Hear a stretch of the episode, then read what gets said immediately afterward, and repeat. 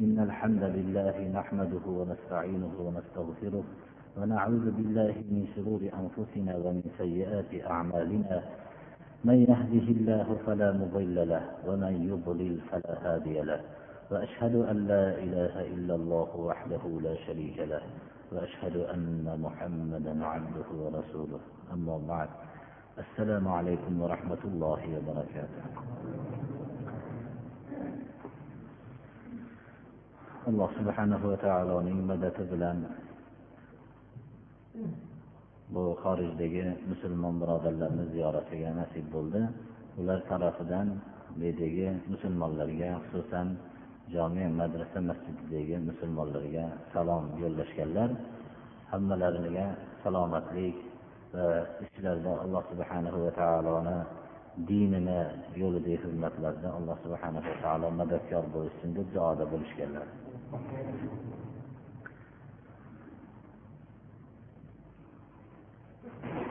Juma kunidagi qur'oni karimdan davom etayotgan darsimiz استعيذ بالله. يا أيها الذين آمنوا لا تسألوا عن أشياء إن تبد لكم تسؤكم وإن تسألوا عنها حين ينزل القرآن تبد لكم. عفى الله عنها والله غفور حليم. Shu oyatiga nozil shu oyatga kelgan edik rasululloh sollallohu alayhi vasallamning davri bu islom ummatini tarbiyalash davri edi. Rasululloh sollallohu alayhi vasallam payg'ambar bo'lishlaridan ilgarigi davr johiliyat davri edi. Ya'ni hech qanday olloh tarafidan samoviy bir qonunga o'zlarini muqayyat qilmagan xalqlar yashardi. Olloh tarafidan bir qonun keldi. Bu qonunga muqayyat bo'linishligi nihoyat darajada qattiq shart qilindi. Hatto rasululloh sollallohu alayhi vasallamning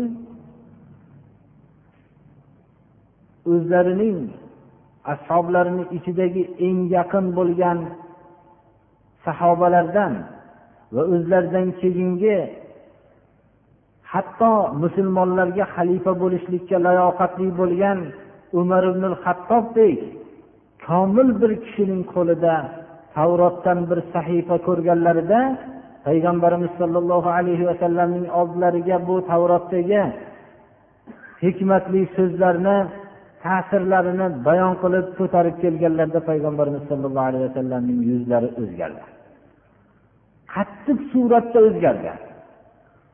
Bu kishi tavrotdagi bu varaqdagi narsani gapirayotganlarida abu bakr roziyallohu anhu aytdilarki ey umar payg'ambarimiz sallallohu alayhi vasallamni yuzini ko'rmayapsanmi? dedilar. Shunda ko'rib turgan vaqtlarida payg'ambarimiz sollallohu alayhi vasallam bir dars berdilarki sizlar hayron qolgan xalqlarmisizlar dedilar. Sizlar yo'lini topolmay qolib yo'l qidirayotgan holatdagi kishilarmisizlar men sizlarga ochiq bir yo'lni olib keldim. Agar qasam ichib aytamanki dedilar muso alayhissalom birodarim hozir tirik bo'lganda u kishiga menga ergashishlikdan boshqa narsa sig'masdi dedilar. Ya'ni muso kalimulloh tavrot egasi. Bo'lgan zot hozir tirik bo'lganda menga ergashishlikdan boshqa narsa mumkin bo'lmasdi dedilar. Ergashishlik degan so'z bu qullik deganning ma'nosi banda alloh subhanahu va taoloning yo'liga qul bo'lishligi qullikning ma'nosi hikmatini bilmasdan turib ergashishlikni talab qiladi. Va shundagina qullik allohga qul bo'lishlik lazzatini banda tatiydi. Agar bir kishi sizga biror bir narsani buyruq qilsa u haqda siz fikringizni yuritsangiz u zo'ravonroq bo'lsa bu to'g'ri emasmikin desangiz to'g'ri bo'lsa ham to'g'ri bo'lmasa ham qilasan deydi. Ya'ni sen meni qulim bo'lasan deydi. Meni so'zim haqida fikrlashliging mumkin emas deydi. Odamlar o'zini fikriga odamlarni qul qilmoqchi bo'ladi. Alloh subhanahu va taolo bizlarga bizlarning manfaatimiz uchun bo'lgan yo'lni jo'natdi. Lekin uning manfaatli ekanligini biz bilishligimiz shart emas. Agar buni biz bilib ergashgan bo'lganimizda bizda qullik ma'nosi topilmagan bo'lardi. Qullik ma'nosining tub ma'nosi shuki buyurgan buyruqni hikmatini bilmasdan turib ergasholmaslikdir shuning uchun muttaqillarning sifatida birinchi sifati g'aybga iymon keltirgan degan sifatni birinchi muqaddam qilingan. Demak g'aybga hali ma'nosini hikmatini bilmagan yo'lga ergashishlikni talab qiladi ko'rmagan narsasiga ergashishlik bu g'aybga iymon keltirishlik ma'nolarining bittasidir. Johiliyat davriga yaqin bo'lganlik sababli har xil savollar qilinardi.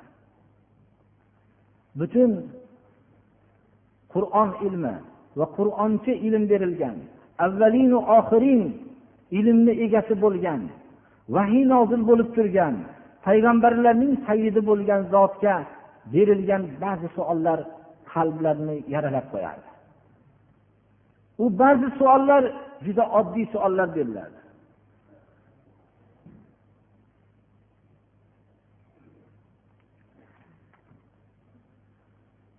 payg'ambarimiz sollallohu alayhi vasallamdan qilingan ba'zi bir savollar shunga dalolat qiladi bu oyatning nozil bo'lishligi haqida imom muslim o'zlarining jomi sahiylarida anas roziyallohu anhudan rivoyat qilingan hadisda shunday deydilarki payg'ambarimiz sollallohu alayhi vasallam aytdilarki فوالله لا تسألوني عن شيء إلا أخبرتكم به ما دمت في مقام هذا dedilar modomiki men shu o'rnimda turar ekanman dedilar rasululloh sollallohu alayhi vasallam nima narsani so'rasalar aytib beraman dedilar. Shunda bir kishi turib ayna madhali ya rasululloh men jannatimanmi yo do'zaxmanmi qayerga kiraman deb so'radi. Qola annar seni joying do'zax dedilar. Abdulloh ibn huzofa turib so'radiki man abi yo rasululloh meni dadam kim bo'lgan? deb so'radi. Abu huzafa dedilar. Sen dadang huzofa dedilar. Ana shu vaqtda payg'ambarimiz sollallohu alayhi vasallam savol qilinglar degan ma'no u ma'noda emas edi. U dadasini so'rashlik yo boshqa shunga o'xshagan savollar berilishlik emas edi. Mana bu savollarni ko'p qilinishligi insonning xafa bo'lishligiga sabab bo'ladigan javobni chiqib qolishligi mumkin edi. Shunda shu oyat nozil bo'ldiki ey iymon keltirgan kishilar sizlar har xil narsalarga savol qilmanglarki agar sizlarga oshkor qilib javob berilsa xafa qilib qo'yadi bu javoblar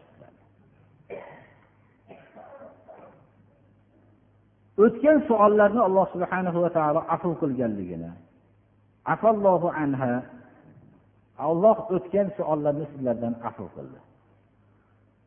Agar qur'oni karim nozil bo'lib turgan vaqtda sizlar biror narsalarni savol qiladigan bo'lsanglar ular bayon qilinadida bu bayon qilinishligi bilan vojib yoki farz bo'lib qolishligi mumkin.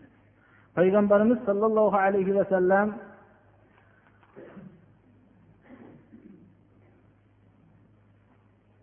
bu oyat nozil bo'lishligida shuni ham rivoyat qilinadiki u kishidan haj oyati nozil bo'lganda bir kishi ya'ni har bir yilda shu insonlar uchun alloh subhana va taoloni insonlarni ustida haqqi bor qodir bo'lgan kishilarning haj qilishlik.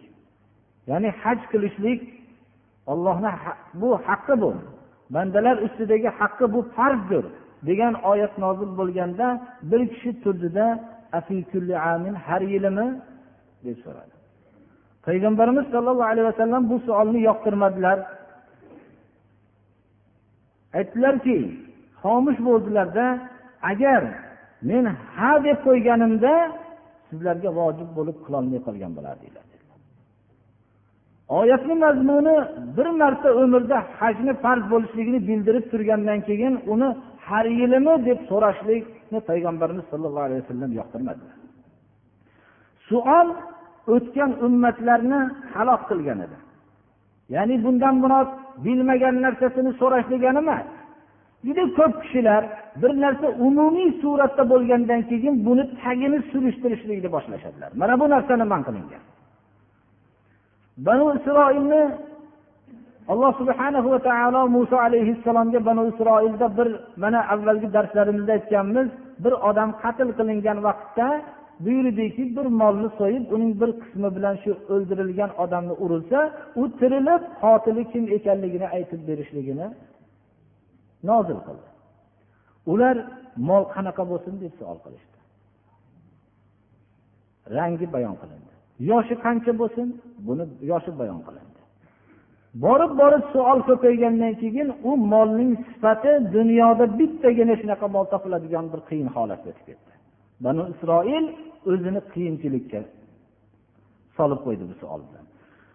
Butun tarixdagi narsalarni payg'ambarimiz sollallohu alayhi vasallam mana taraflardan bayon qilinganki sizlardan ilgarigilarni halok qilgan narsa suollarini payg'ambarlarga ko'p berishligi dedilar. Mana bu ta'limi ilohiy ularga shunday ta'sir qildiki hatto abdulloh ibn abbosdan rivoyat qilinadiki payg'ambarimiz sollallohu alayhi vasallamning ashoblaridan ko'ra yaxshiroq kishilarni ko'rmadim. Ular yigirma uch yil muddat ichida payg'ambarimiz sollallohu alayhi vasallamdan bevosita shunday ahkomlardan so'ragan hukmlar savollarni sanalsa qur'oni karimda sizdan so'rashadi deb bayon qilingan o'n nechta savol bor birodarlar yigirma uch yil muddatda payg'ambarimiz sollallohu alayhi vasallamdan o'n nechta savol so'raganligini qur'oni karim bizga bayon qilyapti. Nima uchun?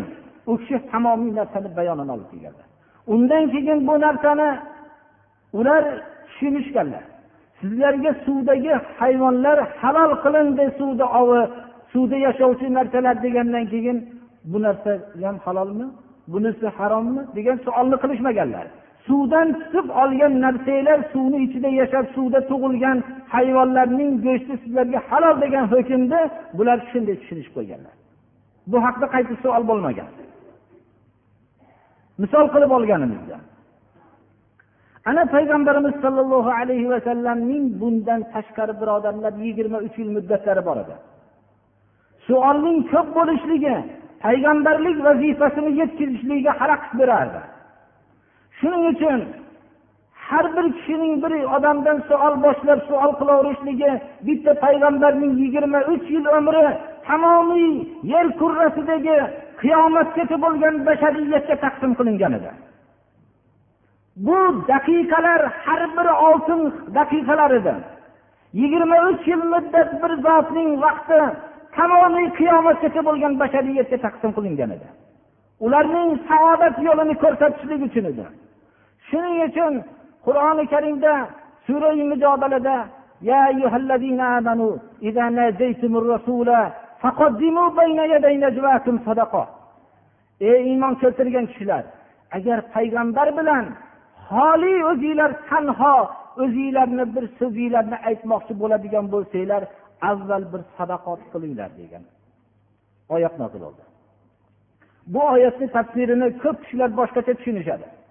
Ya'ni biror bir payg'ambarga munojot qilib xoli gaplashishlik uchun boradigan bo'lsanglar bir sadaqot bir narsa ko'tarib kiringlar degan ma'noni tushunishib qoladi. Unday emas.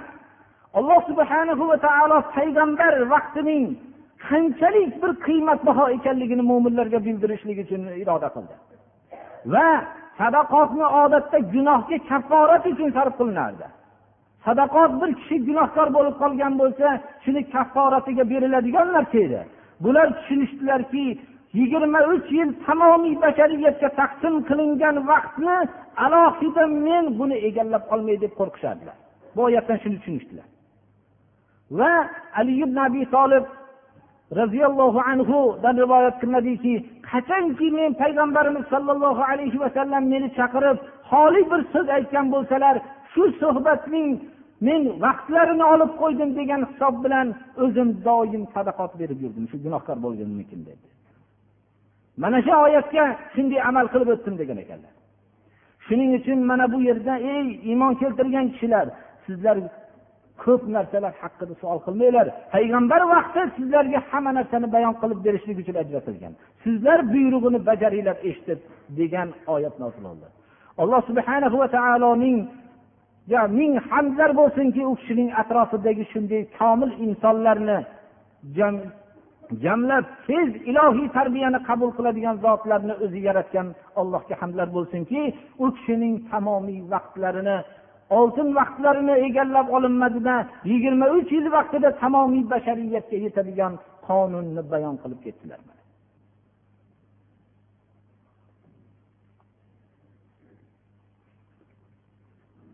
shu munosabat bilan men shuni ham mo'min birodarlarning qalbiga bir joy qilib qo'ymoqchimanki bizlarning ham katta ulamolarimizning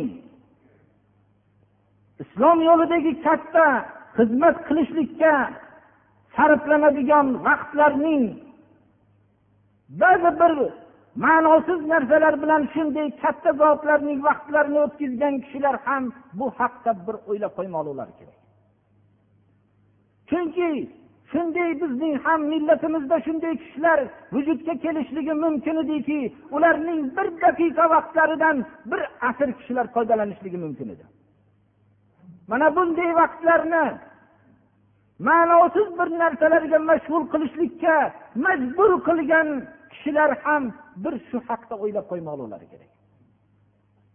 Chunki ahli ilm katta ilmli bo'lgan kishilarning umumiy darslaridan ko'p kishilar foydalanishligi mumkin bo'lgan vaqtni ba'zi bir ma'nosiz narsalarga men bundan aytmoqchi emasmanki har bir kishini bunday xoli gaplashishligi mumkin emas demoqchi emasman. Bunday vaqtni bir millat uchun ajratilishlik mumkin bo'lgan vaqtni bir kishi ma'nosiz narsa bilan egallab qolmasligimiz kerak birodarlar rasul sollallohu alayhi vasallamga nozil bo'lgan bu oyat bir juda bir qiymatbaho bir tushunadigan bir oyat. Mana bu oyatni bugungi darsimiz ham ko'p narsalar haqida savol qilmanglar sizlarga kerakli bo'lgan narsani payg'ambar bayon qilib beradi. Agar sizlarga bayon qilinsa o'zinglar g'amgin bo'lib qolasizlar haqiqatda ham taroveh namozini payg'ambarimiz sollallohu alayhi vasallam uch kun o'qidilar jamoat bilan. Keyin uydan chiqmasdan uyda o'qidilar nima uchun? Hamma jamoat bilan o'qilsa farz bo'lib qolishligidan qo'rqdilar. Farz bo'lib qur'on nozil bo'lib turgan vaqtda rasululloh sollallohu alayhi vasallam hayotliklarida shunday turgan vaqtlarda ularni vaqtlarini shu qur'on nozil bo'lib vahiy nozil bo'lib qolganda bunda namozi taroveh farz bo'lib qolsa ummatga qiyin bo'lib qolardi. Shuning uchun payg'ambarimiz sollallohu alayhi vasallam bir narsani savol qildinglar mendan men bayon qilaman dedilar. Savol qilinsa uni javobi bo'lishi kerak edi. Javob bo'lsa bir narsa halolmi harommi desa yo halol yo harom bo'lardi. Halol bo'libdi hali harom qilinmagan narsa shu savol sababli harom bo'lib qolishligi mumkin edi. Ummatga qiyin bo'lardi. Shuning uchun umar ibn hattob roziyallohu anhu bu tarbiyani natijasida bu kishi bo'lmagan narsadan savol qilgan odamga la'nat aytar ekanlar. Bo'lmagan narsani nima qilasan savol qilib der ekanlar. Zayd ibn sobitil ansoriy bu kishi biror bir narsa haqida bu kishidan bir savol qilinsa so'rar ekanlar akana haza bu narsa bo'lgan narsami? Aytar agar ha bo'lgan deyishsalar javob berar ekanlar. Bo'lmagan bu hali endi mabodo bo'lib qolsada deb so'rasa oldin bo'lsin keyin men oldimga keyin javob qilaman der ekanlar. Haqiqatda ham hozirgi vaqtdagi ko'p fiqhiy masalalarni odamlar bilishligimiz zarur degan gaplar borki ularning bir umr bo'yicha biror hayotda bitta uchramaydi. Shuning uchun biz voqeiy narsani bilishimiz kerak. juda ko'p savollar bo'ladiki umrbod u narsaga biz ro'baro bo'lmaymiz. Ammo hayotimizning har bir daqiqasida uchrab turgan narsa haqida biz o'ylamaymiz. Bizga ham bu darslar bir ta'sir qilmoqligi kerak birodarlar.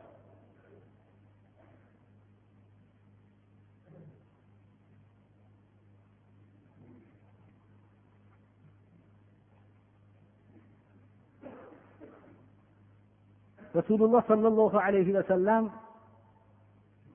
aytdilarki olloh sizlarga ba'zi narsalarni farz qildi. Uni zoya qilmanglar dedilar. Bu tarafga o'tmanglar deb chegara qo'yib qo'ydi. Bu chegaraning orqasida harom ishlar dedi. Bu yerdan o'tib ketmanglar. Ba'zi narsalarni sarih harom qildi. Sizlar u harom qilgan narsalarning pardasini yirtib bu ishlarni qilmanglar dedi.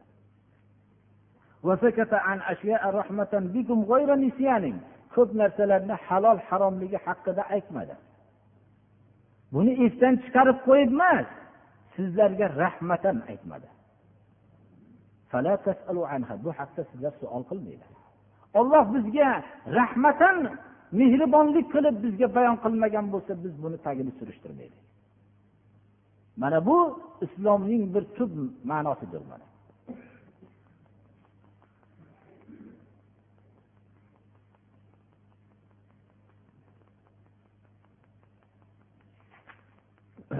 ما جعل الله من بحيرة ولا سائبة ولا وصيلة ولا حام ولكن الذين كفروا يفترون على الله الكذب وأكثرهم لا يعقلون johiliyat davrida ko'p narsalarni butlarga nazr qilishardi bu vaqtdagi ba'zi bir savollar bor ediki u savollar qalbdagi johiliyatdan uzoqlashishlikka dalolat qilardi. Va bu suollar berilgan suollarning ichida nihoyatda to'g'rilari ham bor edi. Mana bu haqda ham abdulloh ibn abbos roziyallohu anhuning rivoyatlariga qaraganda ba'zi vaqtda ashoblarning suollari shu bo'lgan shu oyatni tafsirida shunday degan ekanlar. Ya'ni bahira saiba vasila va ham shu to'rtta hayvonning to'rt xil turdagi hayvonning nomi bo'lib bahira bu sutini sog'ishlikda sutidan foydalanmaydigan sutini faqat butlarga nazr qilingan tuyani nomi. Buni shu tuyani boqardi lekin sutini butga nazr qilib qo'ygan edi. Shu narsa bahira shu. Saiba buni butlarga atab qo'yilgan hayvon mutlaqo. Vasila bo'lsa biror bir ona tuya bo'lsa birinchi bolalagan bolasi urg'ochi bo'lsa ikkinchisi ham urg'ochi bo'lsa bu endi paydarpay ikkita urg'ochi hayvon bolaladi deb o'zini butga bag'ishlab nazr qilishardi. Vasila shu. Ham hamiy bu urchitish uchun foydalanadigan erkak tuya bo'lib ma'lum bir miqdordagi hayvonlardan urchitishlikda foydalangandan keyin endi buni butga nazr qil deb nazr qildirishadi mana bu to'rtta hayvonni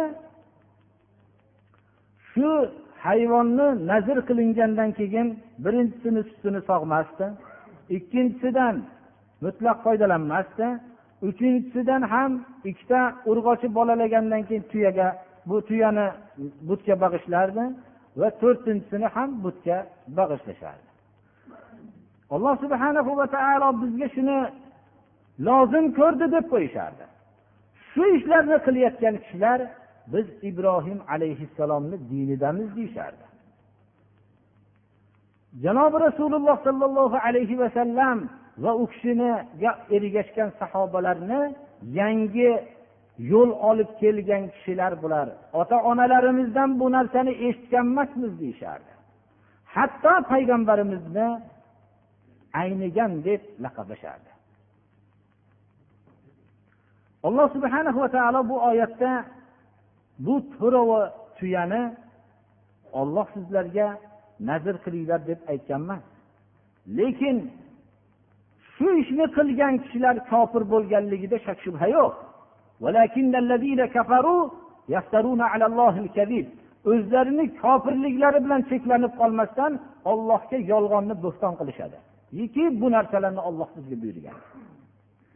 Dunyoda insonning xatosi bo'lishi mumkin. U xatoni iqror iqror bo'lishlik bitta. Bo'lsa ikkinchisi bu xatoni qilib turib undan ham yomoni bu xatoni to'g'ri buni deyishlik ikkinchi xato bo'lsa uchinchisi shuki buni olloh buyurgan deyishlik bu tamomiy kofir bo'lib ketishlikdir. Ba'zi bir kishilar xatoni qiladigan bo'lsa buni nafsim sababli menda bir quvvat yo'qligidan iymonim zaifligidan shu xatoni qilyapman birodar deb tan olishligi kerak ularning ko'plari aqllarini ishlatmagan kishilardir aqllarini ishlatmaganligini belgisi shuki تعالوا إلى ما أنزل الله وإلى الرسول قالوا حسبنا ما وجدنا عليه آباءنا أولو كان آباؤهم لا يعلمون شيئا ولا يهتدون agar ularga aytilinsa olloh tushirgan narsaga va rasuliga tushgan narsaga kelinglar deb aytilinsa aqllarini yo'qligini belgisi. Olloh butun olamni yaratgan insonlarni yaratgan tamomiy qur'onni nozil qilgan butun bashariyatning payg'ambarlarini jo'natgan olloh tushirgan narsaga kelinglar qur'onga deyilsa payg'ambariki tamomiy ummat uchun mehribon bo'lgan butun payg'ambarlarning sayyidi bo'lgan muhammad alayhissalomni oldiga kelinglar mana bu kishi tushirgan narsaga deyilsa bizga ajdodlarimizni qilib kelgan ishlari yetadi deyishadi. Mana bu ularning aqllarini yo'qligini belgisi yer yuzida agar aql yo'q bo'lib ketsa ham bir odam meni o'zini beaql deb aytmaydi. Beaqlligini belgisi shuki olloh bunday deyapti. rasuli bunday deyapti desa bizga shu ota bobomizni qilib kelgan ishi yetadi deydi mana bu uning beaqlliligini belgisidir deyapti alloh taolo أولو كان آباؤهم لا يعلمون شيئا ولا يهتدون ajdodlari hech narsani bilmasdan hidoyat yo'lida bo'lmasa ham shunday deyishadimi haqiqatda ham biz mana shu beaqllik martabasida mahkam o'rnashib qolgan millatni ichida qoldik birodarlar. Ollohni qadri rasulini qadri bir umri bo'yi ibodatni bilmagan va din bilan kurashib kelgan dinga qarshi ish qilib kelgan bir odamni so'zini qadriga barobar ko'rmayapmiz agar bir kishi bizga dunyoviy bir muruvvat qilib kelgan bo'lsa shu odamning noto'g'ri gapirib turgan so'zini eshitib turib rad qilmasdan quloq solib turamiz.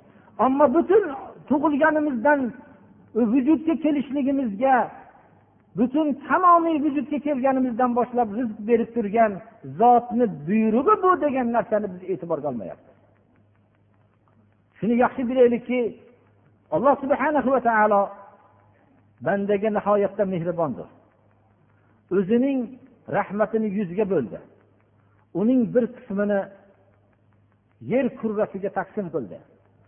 Tamomiy shu yerdagi hasharotlar insonlar hatto hayvonlar o'zining tuyog'ini bolasiga bosib qo'yishlikdan ehtiyot bo'lib ko'tarishligi ota onalarning farzandlariga mehribonligi yirtqich hayvonlarning o'zining bolasiga mehribonligi hammasi shu bir rahmatning samarasidir. Shu bir rahmatiga dalolat qiladi. To'qson to'qqiz rahmatini alloh subhana va taolo qiyomat kunida olib qo'ydi. Gunohkor bandalarga o'zining rahmatini berishlik uchun olib qo'ydi.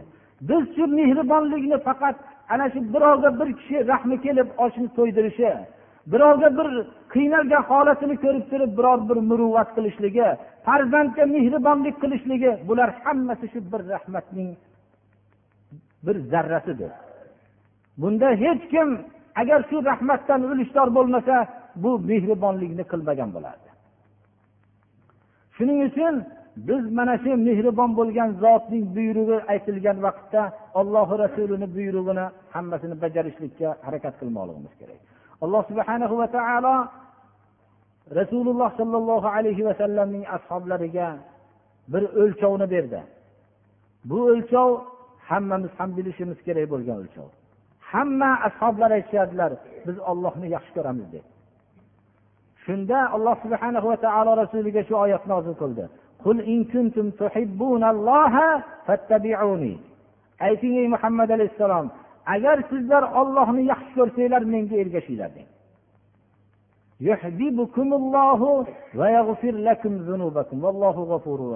Shunda olloh sizlarni yaxshi ko'radi ya'ni rasuliga ergashsanglar shunda olloh sizlarni yaxshi ko'radi va gunohinglarni mag'firat qiladi. Olloh gunohlarni mag'firat qiluvchi va mehribon zotdir. Mana bu o'lchov har bir kishi o'zini amalini shu o'lchovga solib ko'rish kerak. Agar ollohni yaxshi ko'raman deb ming marta biz aytsak olloh bizni yaxshi ko'rmasa bu gapimiz bekordir. Biz bir marta ollohni yaxshi ko'raman desak olloh men ham seni yaxshi ko'raman desa mana bu narsa bizga e'tiborlidir. Olloh tarafidan qachon olloh bizni yaxshi ko'radi? Biz rasuliga ergashsak. Ayting ey muhammad alayhissalom ollohni yaxshi ko'raman degan da'vogirlarga menga ergashinglar deb ayting gapni mana bu taroziga har bir kishi o'zini solib ko'rishligi kerak. Agar shu tarozida rasuliga ergashishlikda bu topilmasa balki boshqa millatlarga ergashib ketishlik bo'ladigan bo'lsa bilsinki o'ziga o'zi aytsin xoli bo'lib o'tiraysin sen kazzobsan desin. Sen davoyingda yolg'onchisan desin hech kim bo'lmaganda hech bo'lmasa tan olib aytib qo'ysin shuning uchun biz alloh subhana va taolo shu oyatni takror takror aytdi. Qur'oni karimda vallohu alam to'rt o'rinda borki agar olloh rasuliga ergashinglar deb aytilsa biz ajdodlarimizni qilib kelgan ishi yetadi deyishadi. Bularning ko'pchiliklarini aqli ishlamaydigan kishilardir deyapti alloh taolo. Haqiqatda olloh rasuli bilan boshqani farqini bilmagan odamning aqli ishlamaydigan kishidir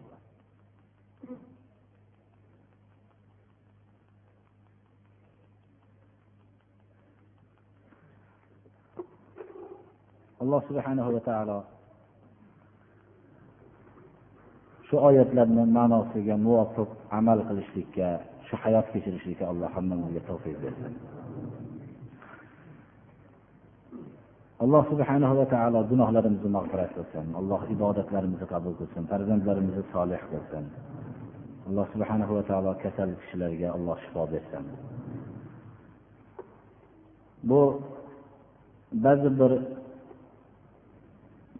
bu safardan kelgan vaqtimizda bu yerda bir ozgina musibatlar ham bo'lgan bo'libdi. Ba'zi joylarga bir suv toshqini bir ta'siri bo'libdi. Alloh subhana va taolo ularga sabr bersin. Ularning holatlarini ollohga qaytishligiga sabab qilsin va holatlarini avvalgidan yaxshi bo'lishligini alloh nasib qilsin.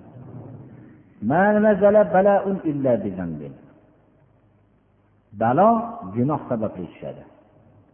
Banda gunohkor bo'ladi balo nozil bo'ladi. Bu ham alloh tarafidan unga rahmat bo'ladiki ko'zini bir ochilishligiga sabab bo'ladi. Bunga sabr qilsa alloh avvalgi holatidan yaxshi bir holatni beradi.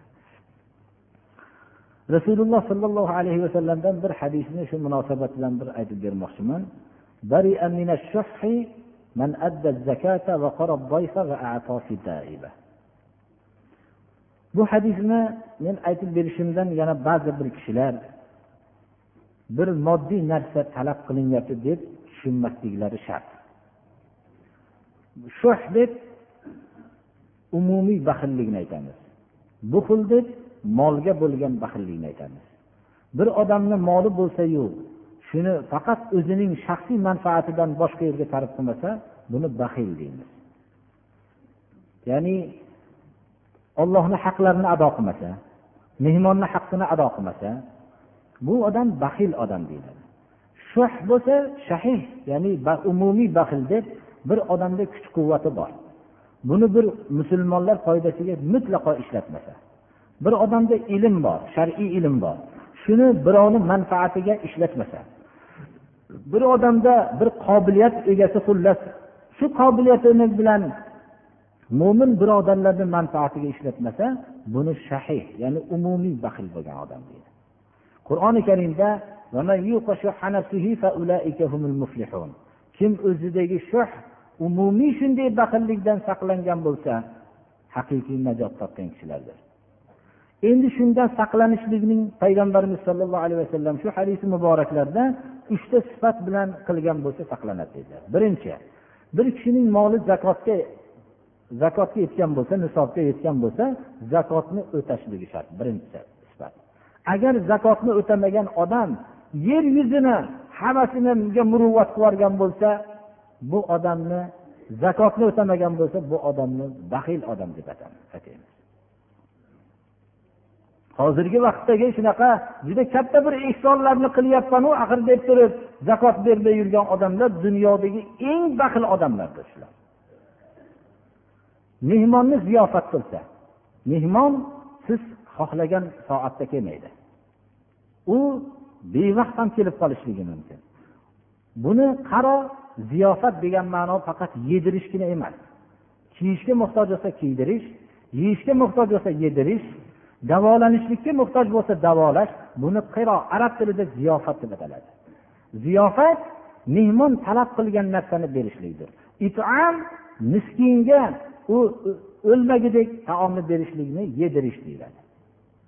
Shu sifatni topgan kishi shahih baxil bo'lishlikning ikkinchi sifatidan ham salomat bo'ladi.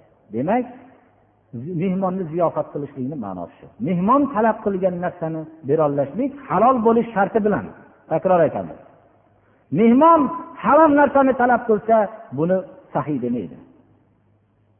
Harom narsani talab qilgan bo'lsa buni bermaslik mo'minlikdir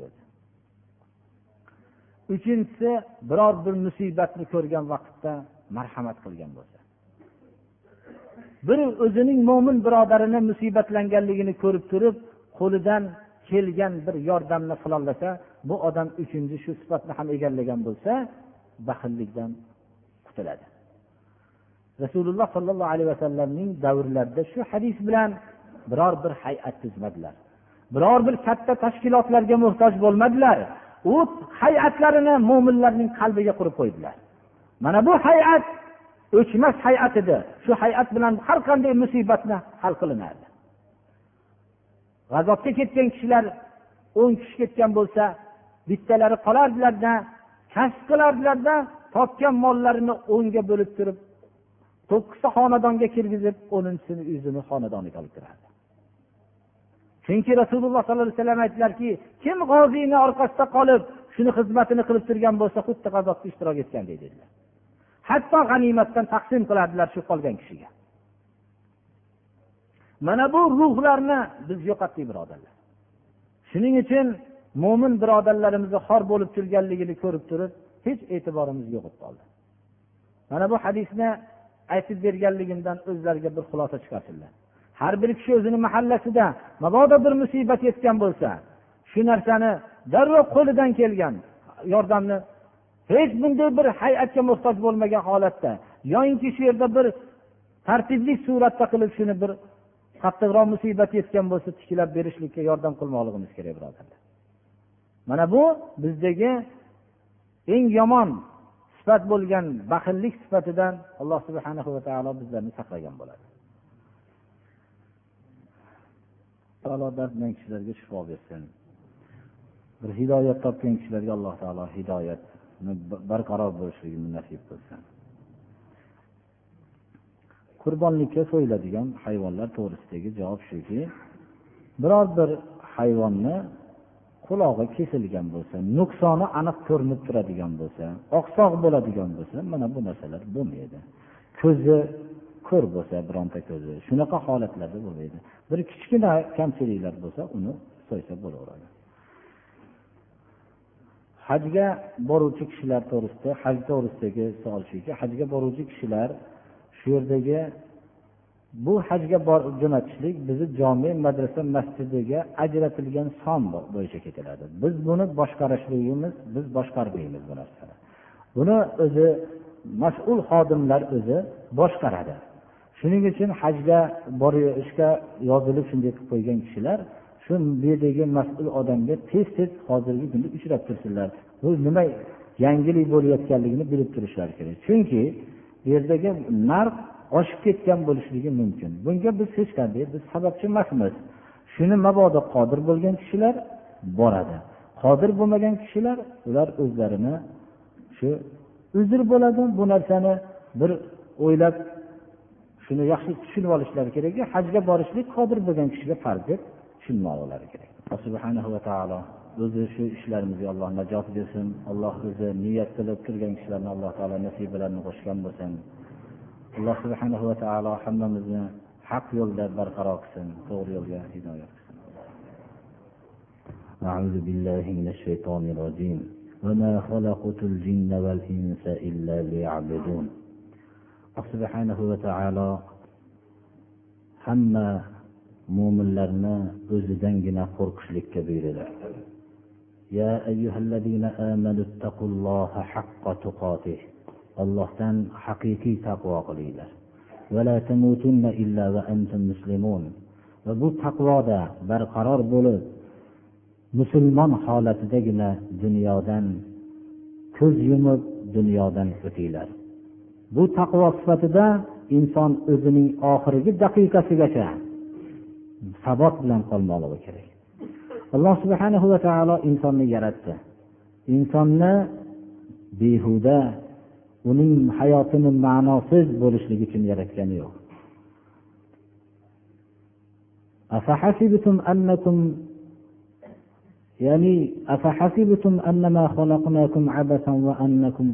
Ya'ni sizlarni biz abas bir ma'nosiz bir yaratganmiz deb gumon qilasizlarmi?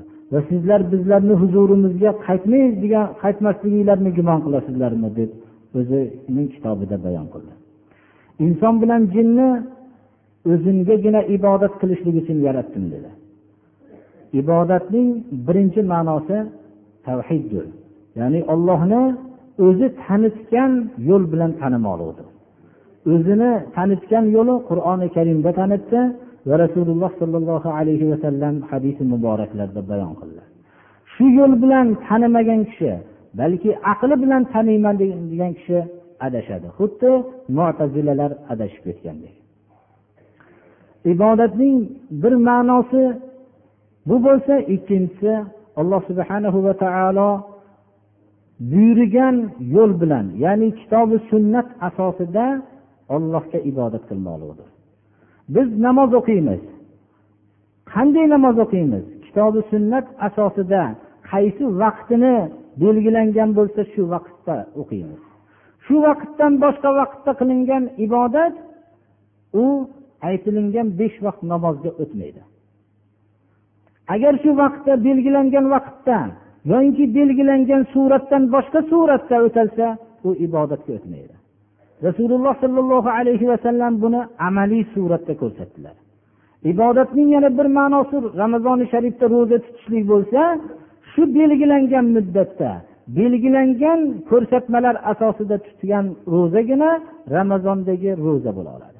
Shuning uchun ibodat kishining ixtirosi bo'lishligi kerak emas. Ibodat biror bir katta bir kishi tarafidan o'ylab chiqilingan narsa bo'lmasligi kerak. Bular hammasi habata bo'ladi. Shuning uchun alloh subhana va taolo mengagina ibodat qilishlik uchun o'zim yaratdim degan bo'lsa inson va jin toifasi bunda mushtarak bo'lar ekan biz ibodatni faqat alloh subhana va taoloning ko'rsatmasi asosida bo'lmoqligi kerak. Bu ko'rsatma asosida bo'lmagan har qanday ko'rinishdagi amal habatadir ibodatning maqbul bo'lishligini ikkita sharti birinchi to'g'ri bo'lishligi va ikkinchi ixlos bilan o'talinishligi to'g'ri bo'lishligini ma'nosi o'lchovi bizda bo'lmasligi kerak. To'g'ri bo'lishligi agar kitobi sunnatda qur'onda hadisda shu narsa to'g'ri degan narsani to'g'ri deb qabul qilishligimiz qabul qilishligimiz kerak. Ixlos bun bilan faqat alloh subhana va taoloning rizosini maqsad qilinishligi kerak. Agar bir kishida ollohni rizosi uchun deb qilgan bo'lsayu u kitobi sunnatga muvofiq bo'lmasa bu amal habatadir ammo kitobi sunnatga muvofiq bo'lsayu unda ollohni rizosi maqsad qilinmagan bo'lsa bu ham habatadir ikkala sifat modomiki topilmas ekan bu ibodat deb atalmaydi chunki qur'oni karimda hasr bilan bayon qilyaptiki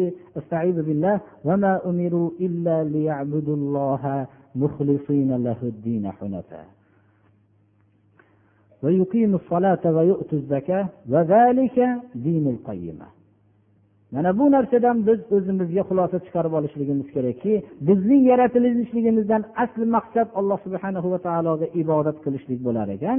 Bu ibodat alloh subhana va taoloning ko'rsatmasi asosida va bizni tarafimizdan ixlos bilan bo'lmoqligi kerak.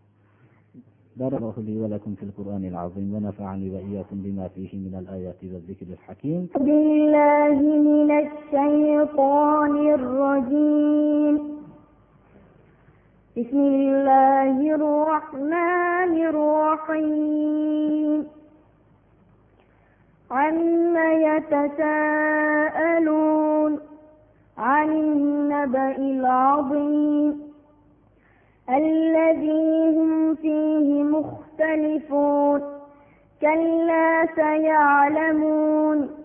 ثم كلا سيعلمون.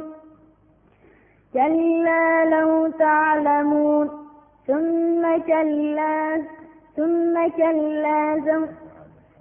ألم نجعل الأرض مهادا والجبال أوتادا وخلقناكم أزواجا وجعلنا نومكم سباتا وجعلنا الليل لباسا وجعلنا النهار معاشا وبنينا فوقكم سبعا شدادا وسلام على المرسلين والحمد لله رب العالمين.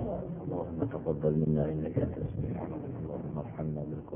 أن يجعل لنا ولا علينا حجة يا رب العالمين.